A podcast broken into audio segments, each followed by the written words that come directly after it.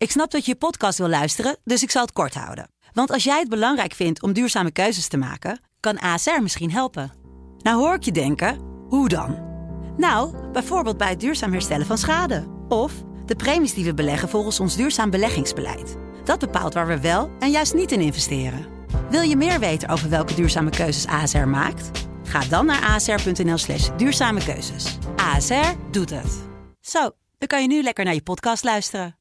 Dit programma wordt mede mogelijk gemaakt door de Krasloten Decemberkalender. Zo doet zij dat, de podcast van Vrouw. Mariket Hart en Sabine Leenhout zijn vrouw-vrouwen van het eerste uur. Maar hoe doen zij het eigenlijk? Nou, grensoverschrijdend gedrag, daar gaan we het over hebben. Ja. Ik ben zelf ook wel eens grensoverschrijdend. Oeh, Expres. expres. Ja. en ik ging even vragen bij, eh, bij een paar eh, mannelijke collega's. Ik zei, maak je wel eens wat eh, grensoverschrijdends mee?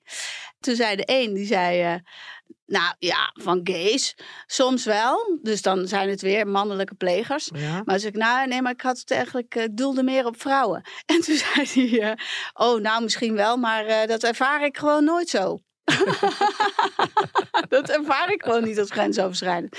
En toen zei de andere mannelijke collega, die is eh, veel kleiner van stuk en bedeesder ook, gewoon als mens. Mhm. En die zei, nou, ik heb toen ik nog op de middelbare school zat, eh, heb ik wel eens iets meegemaakt. Dat was een vrij labiele vrouw die, eh, die een oogje op me had. En daar kon ik niet heel hard afkappen, want dan zou ze zichzelf misschien wel wat aandoen. En dat voelde dus wel enorm grensoverschrijdend. Nou, dat kan ik me voorstellen. Ja. Maar laten we beginnen met het opgewonden standje. Ah. Heb je je nog ergens druk over gemaakt? Het opgewonden standje. Jij wel, toch? We hebben het natuurlijk de hele tijd over eh, eh, de verkiezingen. En aan de andere kant staat de wereld in de fik. Dus het is ook fijn dat we ons druk kunnen maken over zoiets eenvoudigs als de krompoes. Mhm. En aan de andere kant heb ik ook zoiets van dat we ons daar überhaupt druk over maken. Ik begreep dat eh, eh, bakkers elkaar in de haren vliegen met wie de krompoes eigenlijk heeft bedacht. Nou eh, had vorige week een collega een aantal eh krompoezen meegenomen naar de redactie.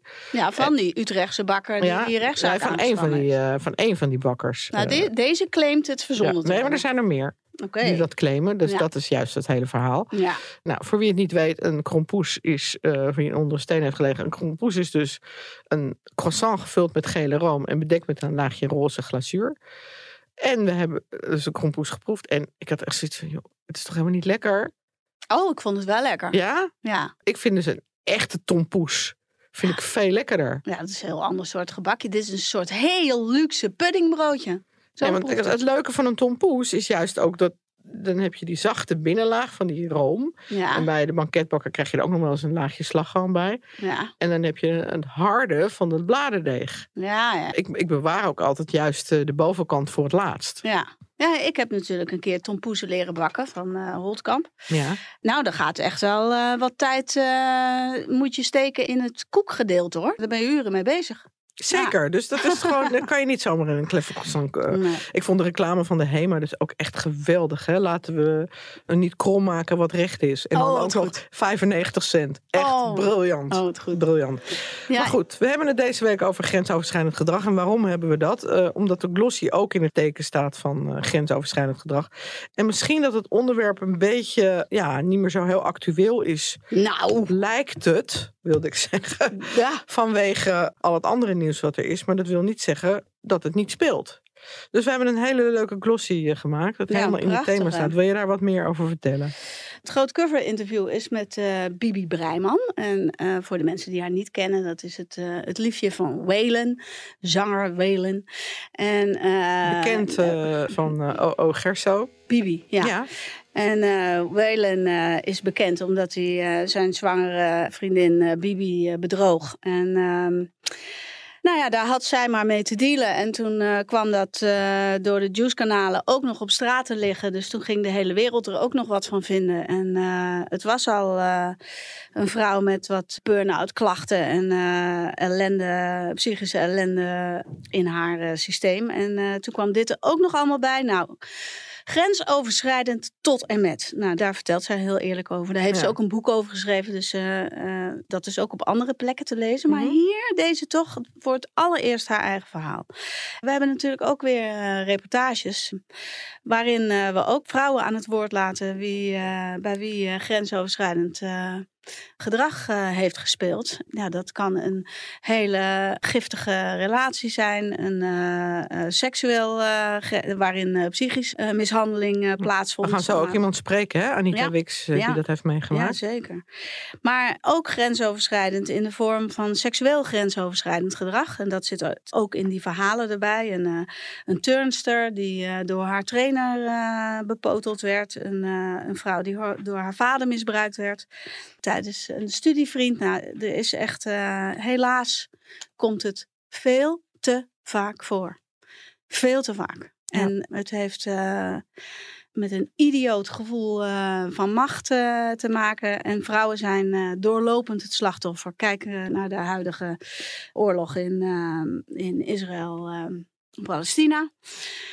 Vrouwen worden voortdurend het slachtoffer van grensoverschrijdend gedrag van mannen. Het is heus niet zo dat iedere man eh, een eh, grensoverschrijder is, maar eh, ja, op een of andere manier is het toch vaak aan de orde.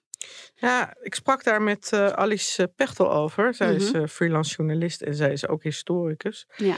En zij vertelt dat het echt dus bij oorlogsvoering altijd een van de, ja, helaas bijna in alle oorlogen, een oorlogsmisdaad is die wordt gepleegd. En dat is dus dat vrouwen worden verkracht. Ja, precies. En dat is, ze zegt niet alleen om macht uit te oefenen over die vrouwen, maar ook vaak over die mannen van die vrouwen. Ja, precies. Ja. Ja, dat is echt afschuwelijk. Ja, ik denk dan als omdat ik nog nooit gedacht heb dat ik vanuit seksuele gevoelens zou willen overheersen, snap ik niet hoe je lust en oorlog voeren, hoe je dat überhaupt eh, aan elkaar kunt koppelen. Hè? Ik begrijp niet hoe je hem omhoog krijgt dan. Hoezo? Nou, Weet dus je, ik- met 16 man eromheen. Doe even normaal. Maar goed, dat schijnt dus eh, eh, totaal hormonaal. En met adrenaline en andere stoffen die dan in je vrijkomen. Ja, kun je dus ook dergelijke opwinding ervaren. En je heel machtig voelen als je iemand neukt. Heel hardhandig. Ja. Wat Ja, ik ook een goed hè? verhaal vond, is eh, het verhaal over eh, straatintimidatie. Mhm. Want dat is helaas ook nog realiteit voor eh, veel vrouwen. ja. Twee op de drie jonge vrouwen wordt wel eens lastiggevallen op straat. Blijkt uit onderzoek van het Centraal Bureau voor de Statistiek. Mhm. En met name in de grote steden, Amsterdam, Rotterdam, Den Haag, Utrecht, krijgen jonge vrouwen het meest te maken met seksuele opmerkingen, nafluiten, sissen, Mhm. grijpgrage handen en achtervolgswoorden. ja. Ja. Heb jij daar wel eens eh, mee te maken gehad? Nou, op die leeftijd zeker. Mhm. Ja, ik was een tijdje geleden, werd ik ook nog eens uh, nagepst. Dat ik echt dacht, oh, dat uh, gebeurt niet meer in het Amsterdamse bos. Dat gebeurt niet meer zo vaak, maar het gebeurde wel. Ja. Ik was alleen, dus het ging echt naar mij. Maar als ik bedenk over van, nou, wat, wat zijn mijn ervaringen met seksueel uh, grensoverschrijdend gedrag, Ja. dan zijn dat met name in die leeftijd kwam dat het vaakst voor. Ik was 17 toen ik uh, had ik een vast uh, oppasadres bij vrienden van mijn ouders, dat die man een keer gewoon letterlijk zijn tong in mijn mond duwde. Die man was 40 Mm. en dat ik dat niet tegen mijn ouders durfde te zeggen, ja, omdat ik dacht dan, dan zet ik die hele vriendschap misschien wel op het spel. Mm -hmm. dus ik hield mijn mond. Mm -hmm. Toen ik 19 was, ben ik met een nachttrein ging ik interrailen op weg naar Griekenland deelden mijn vriendin en ik een, uh, een coupé met drie mannen. En s'nachts werd ik wakker omdat uh, iemand. Ik had een soort joggingbroek aan. En die man met elastiek. En die man, die, een van die mannen, die liet dus letterlijk zijn hand zo bij mij naar beneden over mijn blote billen glijden. Mm. Nou, ik ben heel boos op hem geworden. Maar ja, ik voelde me natuurlijk super onveilig. En mijn dochter die appte mij toevallig dit weekend dat ze met de nachttrein naar uh, Istanbul wilde. En ik had zoiets van ja, hartstikke leuk. Maar zorg ervoor dat je, ja, ik vind het een goede zaak. Maar ik vind dan eigenlijk dat er ook vrouwencoupés zouden moeten zijn. Ja. We waren gewoon met twee uh, 19-jarige meisjes, zaten we gewoon met drie kerels van boven de 40 uit Joegoslavië in één coupé. Mm -hmm. Nou, idioot hè? Ja, echt En het is idioot. toch te erg dat wij onze dochters, en dat we zelf ook zo opgevoed zijn, dat je niet uh, s'avonds alleen over straat en uh, niet uh, s'avonds alleen door het Vondelpark lopen. Ik, een jongen hoeft daar gewoon nooit over na te Ja. denken. Die, echt nooit. Nee. Ik heb dat ook met mijn vorige vriend, eh, is dat regelmatig besproken. Die, vond, die begreep dat gewoon helemaal niet. Die begreep niet dat als ik s s'avonds in Amsterdam naar huis liep en dan niet op de Haarlemmerstraat waar ik ik woonde, want dat was een hele veilige straat. Maar als ik dan via de houttuinen daar geparkeerd had en dan terugliep, dan had ik gewoon mijn volledige sleutelbos had ik in mijn hand. Dusdanig dat door mijn knokkels, door mijn vingers, de sleutels naar buiten staken. Dus als iemand iets van me gewild had, dan had ik een hoek uit kunnen delen met uitstekende sleutels. Dat is mij gewoon aangeleerd om dat zo te doen. Nou, dat is toch niet te geloven dat je dusdanig onveilig voelt dat je dit soort dingen moet doen. En nu, nu ik in Alkmaar woon, moet ik s'avonds mijn auto in de parkeergarage parkeren. Als ik na, nou, ik kom gewoon heel vaak na half elf uh, kom ik thuis. Eerst moet de auto dus stoppen en dan de, de garagedeur uh open doen uh, met mijn pas.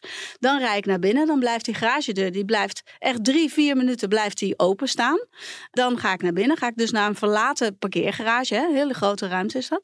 Parkeer ik mijn auto, moet ik weer terug in mijn eentje in die parkeergarage terug. Dan die deur open en dan heel eng steegje door naar mijn uh, huis toe. Gewoon iedere keer uh, heb ik er een beetje buikpijn van. En soms ik. loop ik dan, uh, dan heb ik de hele dag al op hakken gelopen. En dan moet ik dus op mijn hakken dat kutstuk buiten om met een zware werktas. Kan je zo. niet een paar oude gimpen achter ja, je auto precies. gooien? Ja, nu ik het uh, hardop zeg, denk ik dat dat nog wel een goed idee is. Het voelt gewoon onveilig. Ja, dat en, snap ik. uh, en dat dat in Nederland, hè? Want in de grote steden en die straatintimidatie wordt natuurlijk best wel regelmatig gehangen Ja. aan Marokkaanse jongens die, uh, die met z'n 25 ergens op een Ja. plein hangen.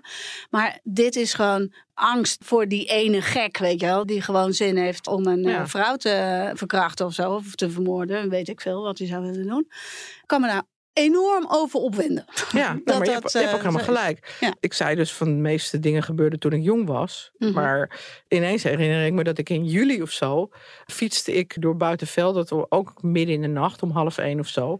En toen kwam er ook een kerel naast me fietsen die echt ontzettend opdringerig deed. En dan me ging vragen waar ik naartoe eh, ging en dit en dat. Ik denk dat het een Italiaan was trouwens. Mhm. Dat hij wel eens bang was in het donker. En weet ik veel wat voor ons die allemaal uitkraamde. Maar dat ik ook dacht van, toen ben ik de keren daarna, toen ben ik dus gaan omfietsen omdat ik dacht, ja, ik ga niet meer over die stille weg. Want straks uh, krijg ik weer een opdringerige kerel achter me aan. En toen herinnerde ik me ook dat een jaar of tien geleden... een collega van Sanoma, die ook al in de vijftig was... Mhm. die fietste dus ook uh, bij uh, station Rai s'nachts. En die is daar dus gewoon de fiets getrokken en aangerand. Ja. En dan staat zoiets in de krant. En dan wordt er dus bij gezegd dat het raar is dat zij daar s'avonds alleen fietst. Ja. En dat is zo, dat klopt gewoon niet. Het moet. Nee, dat je... vrouwen zich maar binnen moeten opsluiten en uh, ja. uh, hoe heet het, geen korte rokjes mogen dragen of wat dan ook, omdat ze het zouden hebben uitgelokt. Ja, precies. Nou, ik vind het vrij heftig hoor. In uh, de glossy, die dus als thema grensoverschrijdend gedrag heeft en die nu in de winkel ligt, doet een aantal vrouwen haar verhaal over grensoverschrijdend gedrag. En een van die vrouwen is Anita Wix. Zij zat elf jaar lang gevangen in een toxische relatie en inmiddels is ze auteur, spreker en raadgever partnergeweld. En we gaan haar bellen.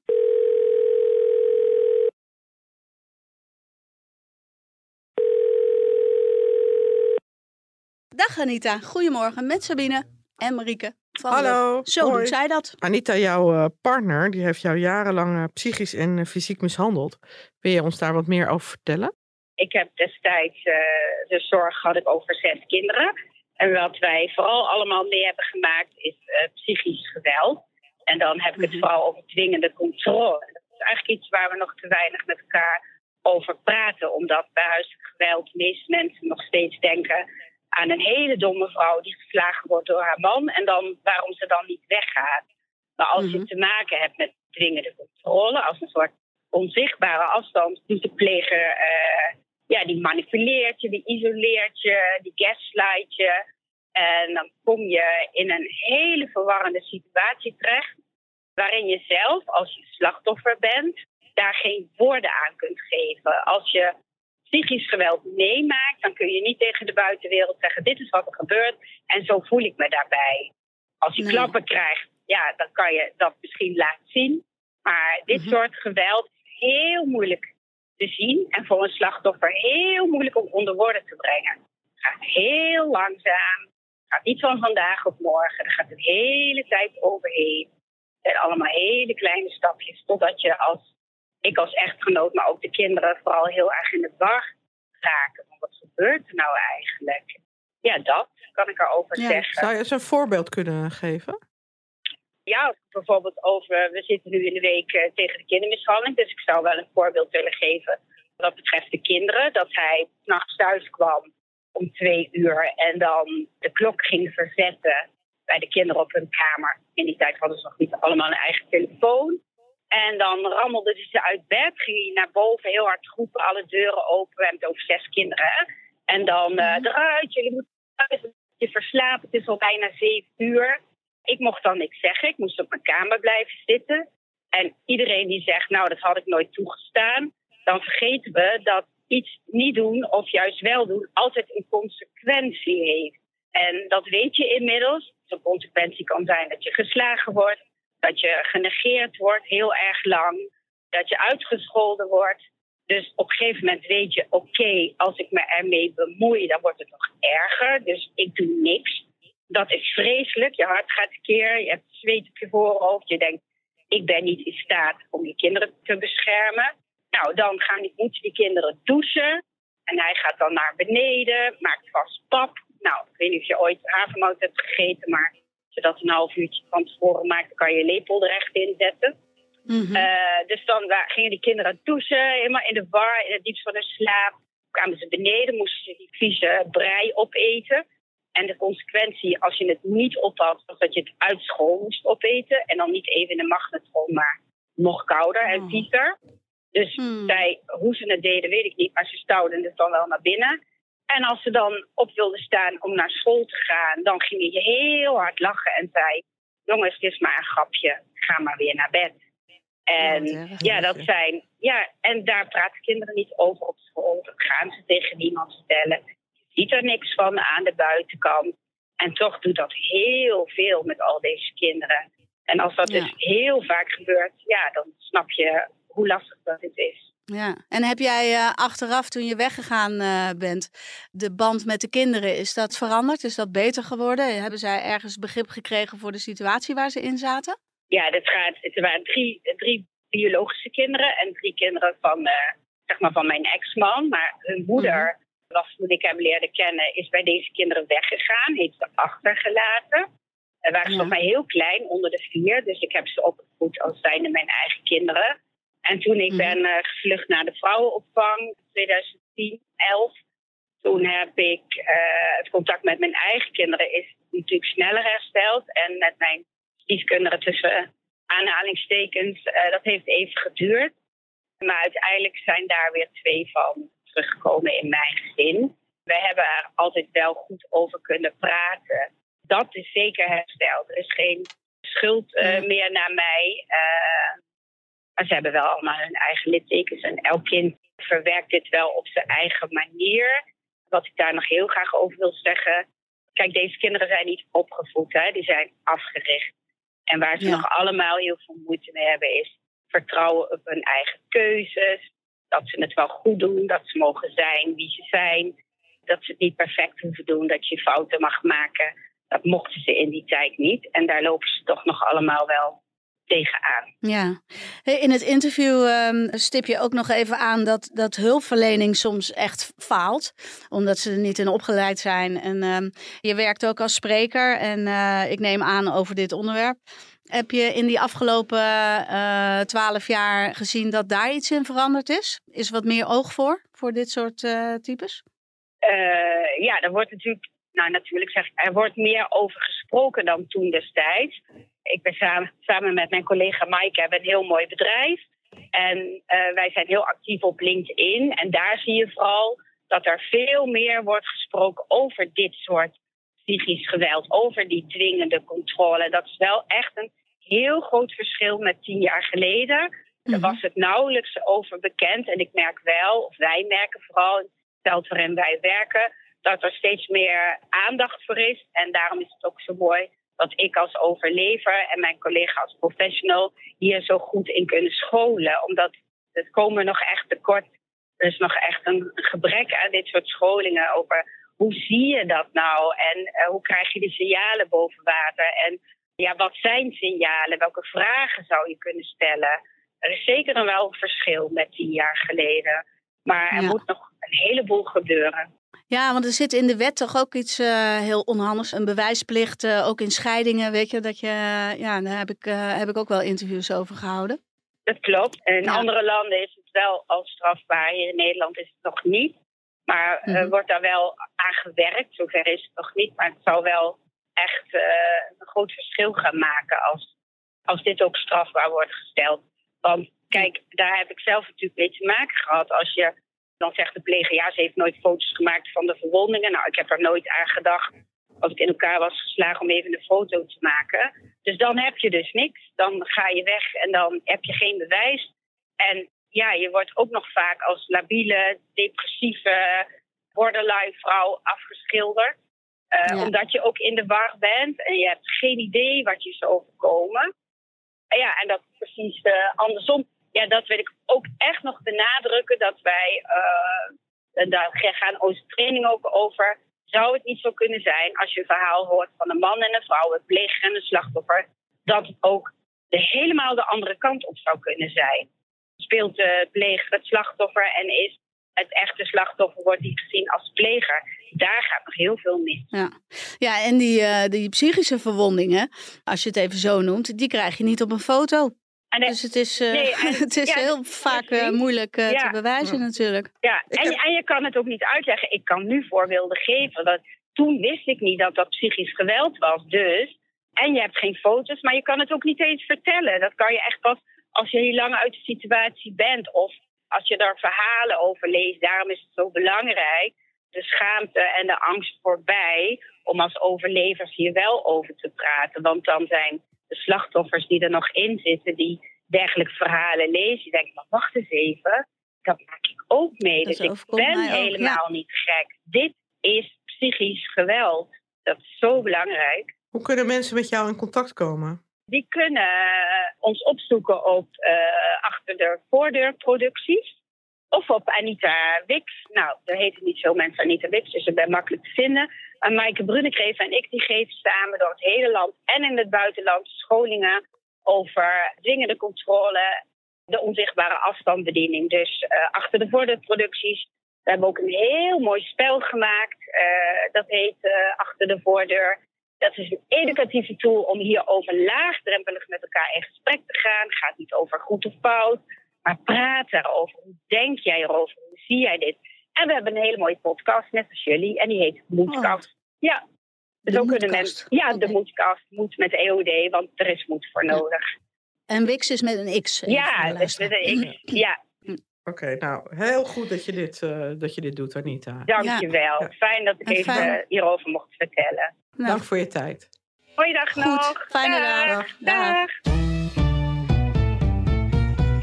Dit is echt wat een heftigheid is dit, hè? Ja, ik heb dit dus ook wel uh, uh, meegemaakt. Uh, ik heb bijvoorbeeld, ik had een vriendin. Ja. En die kreeg een nieuwe vriend. En die ging haar dus ook isoleren, weet je wel. Die vond het bijvoorbeeld niet...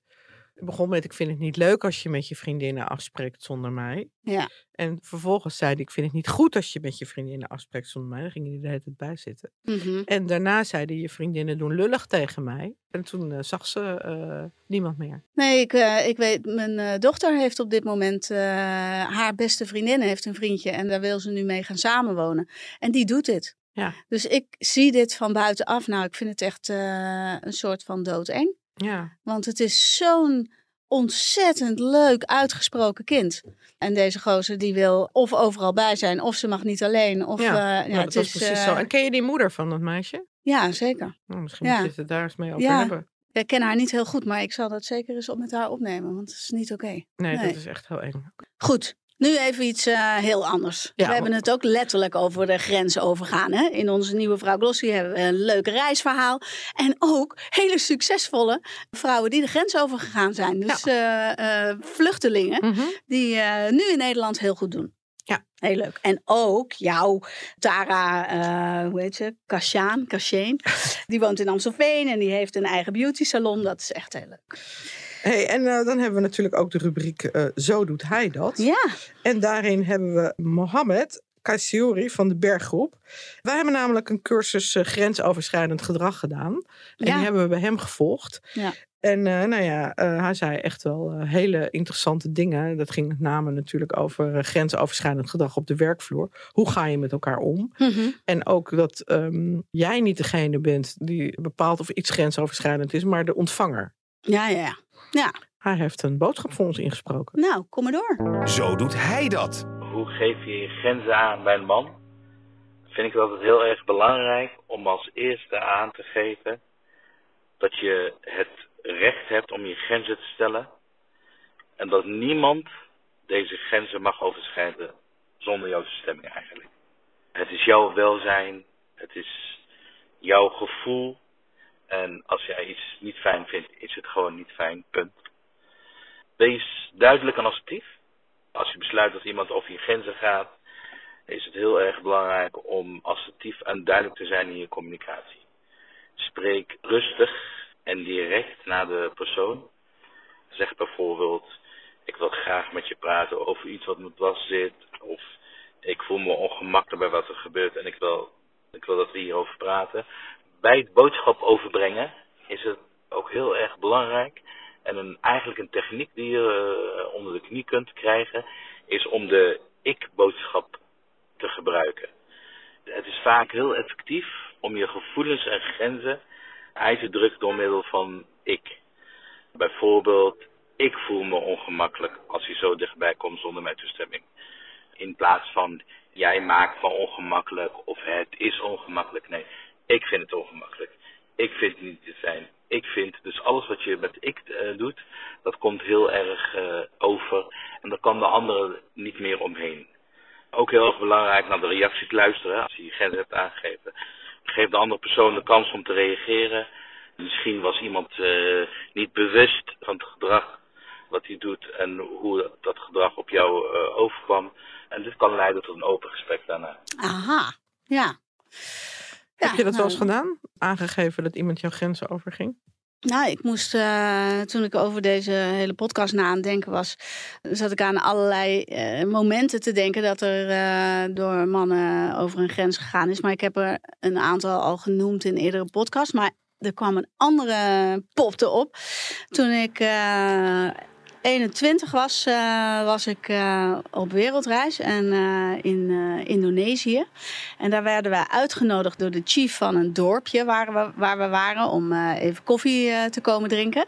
En de man met wie ik aan het reizen was, Michiel, die ging even naar de wc. En toen zat die, die oude vent, was echt, nou, ik denk dat hij wel nou 65 of zo was. En die zat naast mij op de bank. En uit het niks ging die mij ineens zoenen. En zo wild dat zijn eigen kunstgebit naar binnen, naar binnen duwde. Nee. Snap je? Dus hij ja. kwam zo heftig. Uh, dus ik schrok, jongen. Dus ik, ik gaf die man een uh, zet. Maar het was ook gewoon een fragiel mannetje. Dus die kukelde op die bank uh, terug. En die, die viel een beetje achterover. En die morrelde meteen aan zijn mond om dat kunstgebit weer goed te doen. Nou... En ik dacht, what the fuck, weet je, what the fuck. En Giel was dus net weg en die komt dus teruglopen. Uh, en ik sta op. Ik zeg, hey, we gaan. Dus Giel zei, we gaan. We gingen hier toch koffie drinken. Ik zei, nou, we gaan hier helemaal geen koffie drinken. Doei. En uh, toen gingen wij dus weg. Dus ik buiten zeggen dat dit gebeurd was. En uh, Giel wilde meteen naar binnen die man mm -hmm. zijn kunstgebit uit zijn mond drukken. Weggooien. dat heeft hij dan niet gedaan. Maar, oh man. De eerste reactie was dus een duw. Maar ik schrok me helemaal dood. En ik kan me heel goed voorstellen dat dat, zo'n schrikreactie, dat dat bij veel vrouwen gebeurt. Ja, zeker. Maar ja, sommige vrouwen bevriezen. Ja, daarom. En sommige uh, freeze, fight or flight. Ja.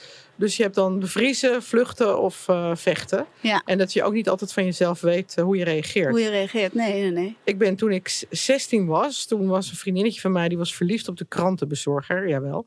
Ze hadden een middagkrant, de Tyfoon, toen in uh, Zandam. Mhm. En de telefoon ging en zij ging naar binnen.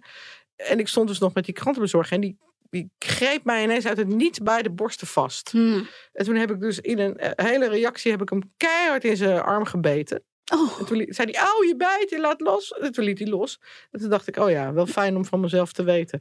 Maar wat ik anders heb meegemaakt, dat ik wel um, heb geleerd om iets minder te flirten. Want ik heb dus een keer gehad met een collega, wel van een vorige baan. Ja. Dan had ik een keer een persdingetje mee en toen was dat afgelopen. En toen had hij zoiets van, zullen we een hotel nemen?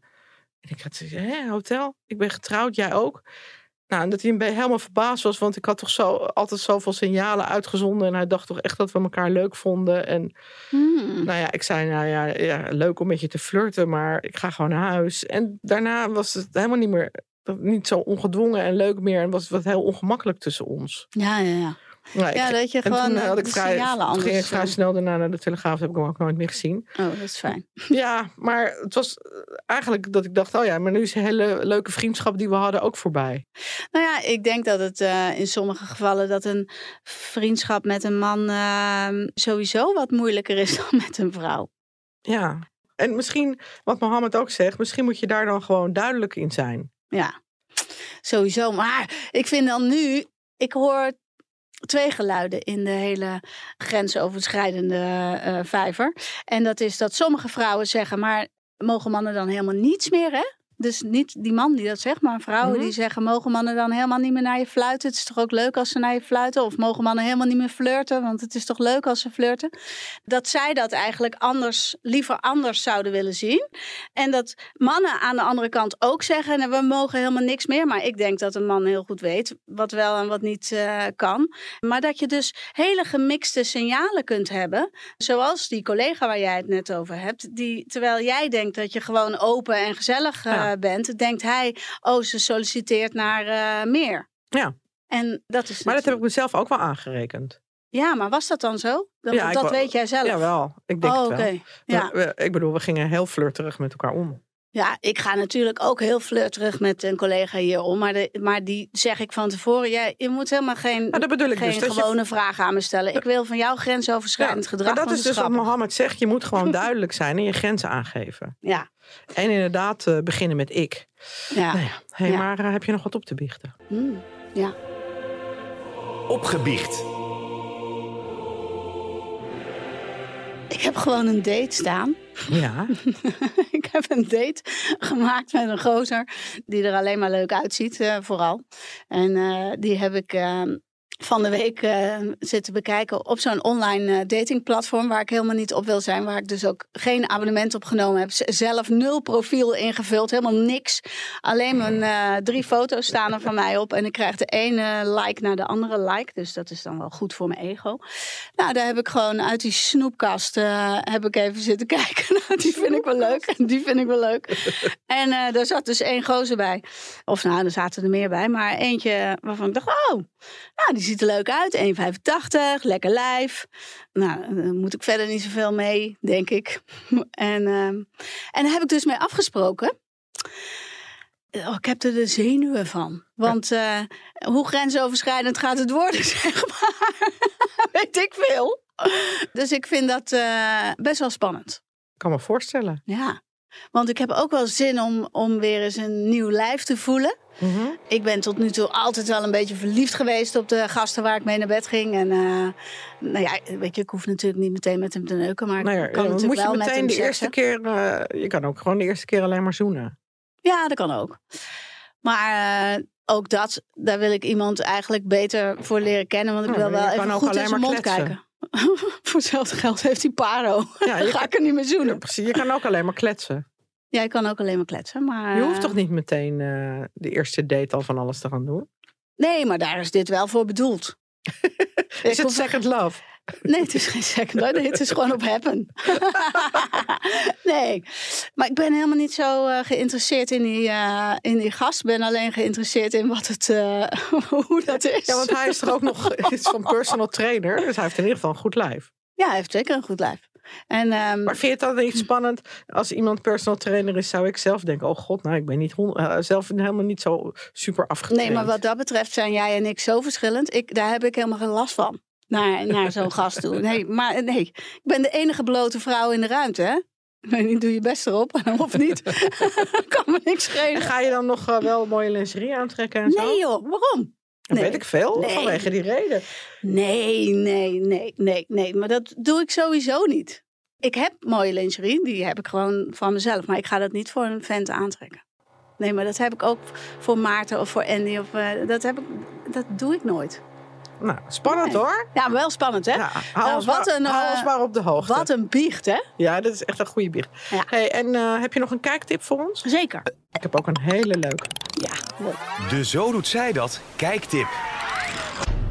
Nou, kan ik meteen nog iets opbiechten. Afgelopen weekend wist ik dat de tandarts een date had.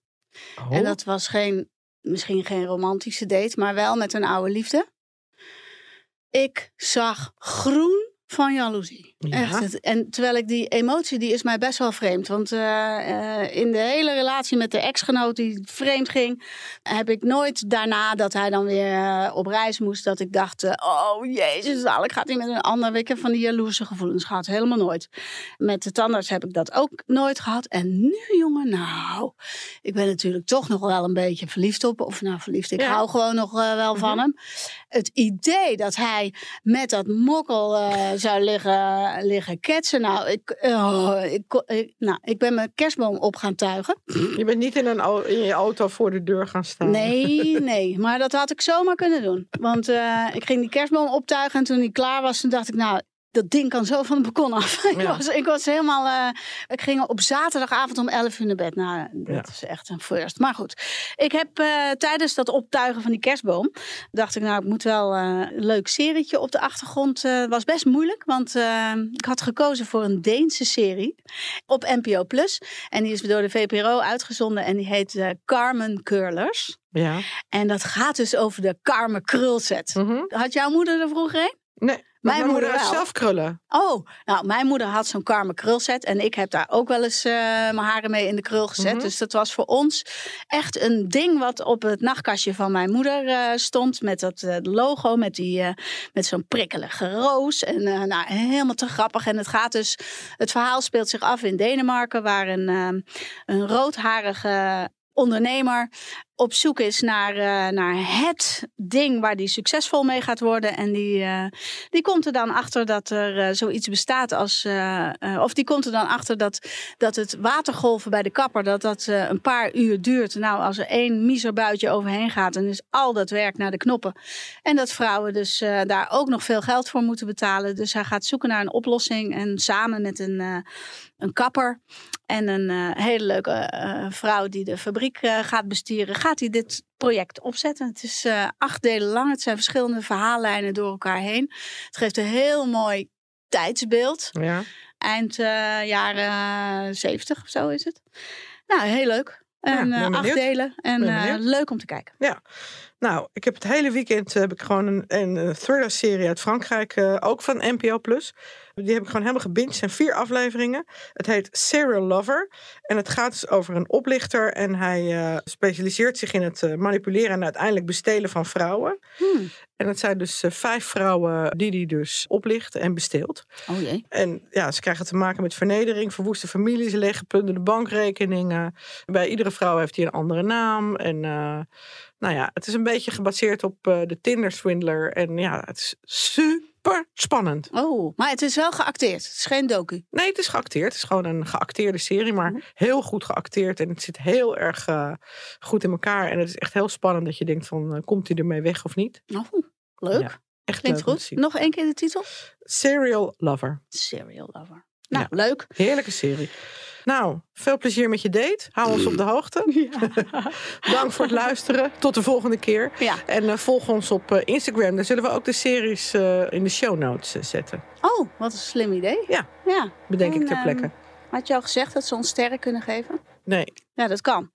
Maar alleen als je het leuk vindt hoor. En niet als je een beetje kritiek hebt op deze podcast. Dan, dan laat maar zitten. Daar zitten we niet op te wachten. We willen alleen maar leuk. Ja? Tot de volgende keer. Dag dag. Dit programma werd mede mogelijk gemaakt door de Krasloten Decemberkalender.